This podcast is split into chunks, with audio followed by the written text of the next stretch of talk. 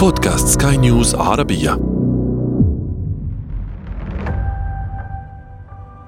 في وسط الساحل الشرقي لجمهورية الصين الشعبية تقع مدينة تسمى مدينة ييوو يعيش بها نحو مليون ومئتي ألف شخص. خلال موسم أعياد الميلاد تصدر مدينة ييوو نحو 60% من زينة أعياد الميلاد في العالم كله. برغم من أن لا سكان المدينة ولا الصين كلها تحتفل بعيد الميلاد من الأساس.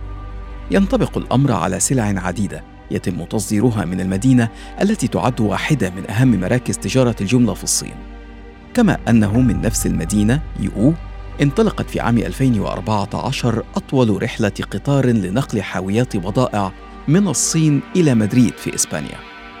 يو هي واحدة من نقاط انطلاق لطريق تجاري طالما مثل ليس فقط طريقة اتصال الصين مع العالم بل طريقة لنقل الحضارة والمعرفة بل والدين بين الشرق والغرب وعرف باسم طريق الحرير.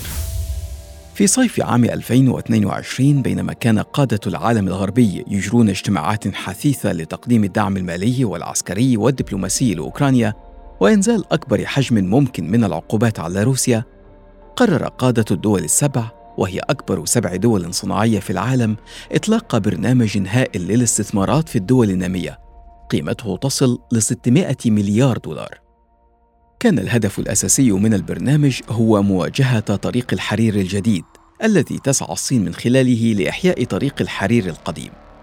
ما هو طريق الحرير؟ ولماذا أثار المشروع الصيني هذا القلق الكبير لدى الغرب بشكل جعله على رأس أولوياته حتى في عز أزمة أوكرانيا؟ هذا أنا عمرو كميل أحييكم وأنتم تستمعون إلى بودكاست بداية الحكاية. بداية الحكاية. بداية الحكاية.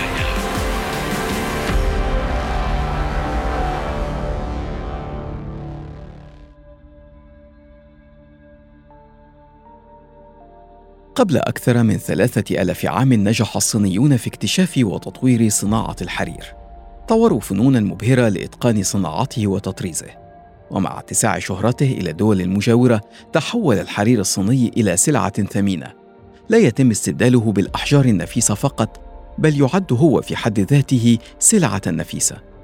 أخذت تجارة الحرير طريقها من الصين إلى أنحاء مختلفة من العالم وصولا إلى الإمبراطورية الرومانية عبر طرق ومسارات معينة. عرفت تلك الطرق كلها حينها تجاوزا بطريق الحرير. والواقع أن تلك المسارات التجارية لم تكن يمر بها الحرير فقط وإنما أيضا بقية السلع والبضائع التي يتم تداولها من وإلى الصين. لم يكن ذلك الطريق كما ذكرنا طريقا واحدا يبدأ من نقطة واحدة وينتهي عند نقطة أخرى. وإنما كان مجموعة مختلفة من الطرق والمسارات التي كانت تصب في النهاية في طريقين تستخدمهما القوافل التجارية. كان واحد منهما يستخدم في الصيف والآخر يستخدم خلال فصل الشتاء. وعلى مدار آلاف السنين انتظمت حركة التجارة عبر تلك الطرق والدروب.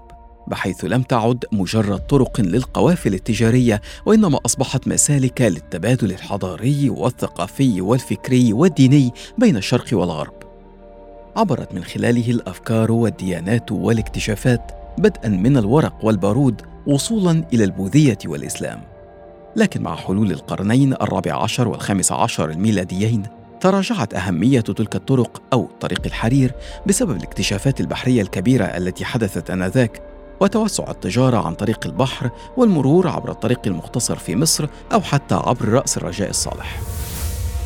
وظل ذلك الطريق أو الطرق طي النسيان إلى أن أعاد عالم جغرافي ألماني يدعى فرتناند فون ريتشهوفن استخدام الاسم في القرن التاسع عشر الميلادي. ولكن من دون أن تشكل تلك الطرق نفس القدر بالطبع من الأهمية الذي شكلته في الماضي.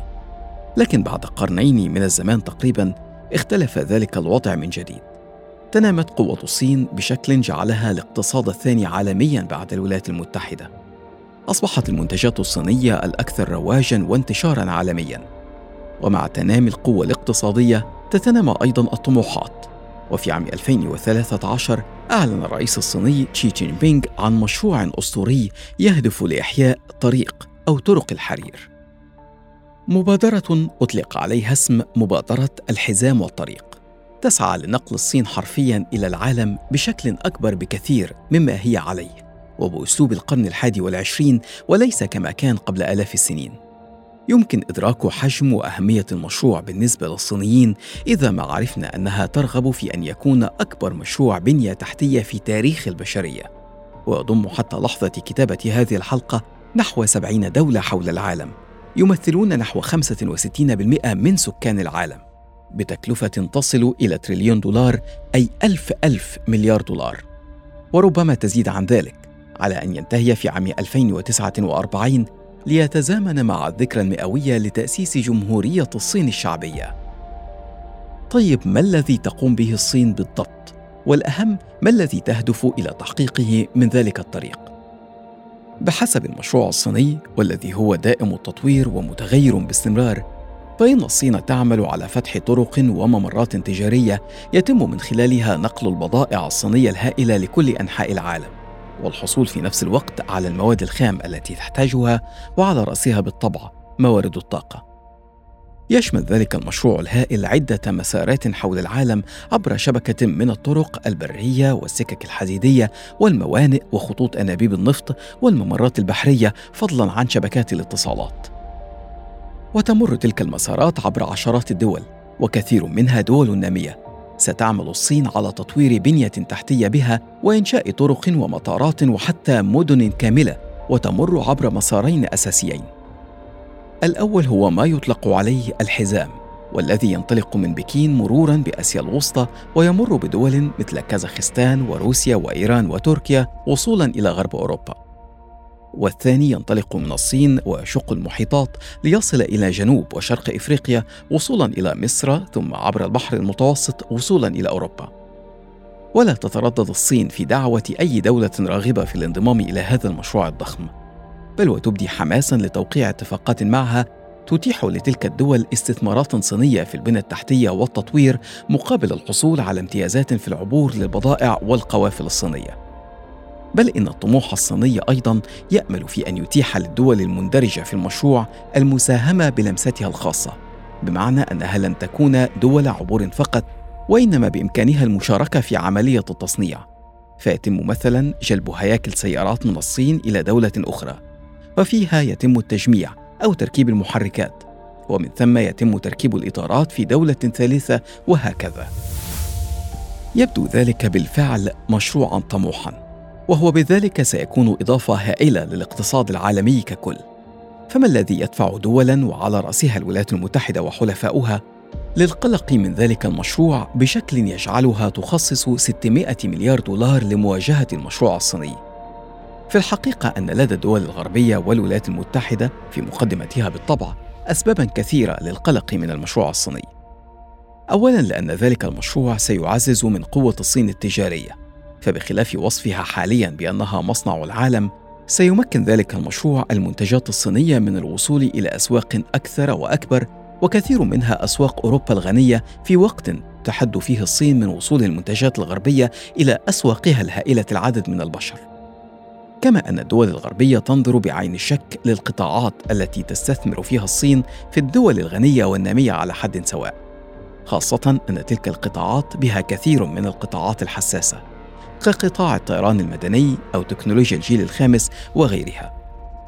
الأمر الآخر هو أن المشروع إذا ما اكتمل بالشكل الذي ترغب فيه الصين سيمنحها قوة ونفوذا هائلين مع عشرات الدول حول العالم وبشكل قد يدفع تلك الدول في المستقبل إلى تفضيل علاقتها مع التنين الصيني على الولايات المتحدة أو الغرب وبالتالي تراجع نفوذ الغرب في العالم كما أن المعادلة المنطقية والتي شهدها التاريخ مرارا وتكرارا أن أي نفوذ اقتصادي يتبعه بالضرورة نفوذ سياسي.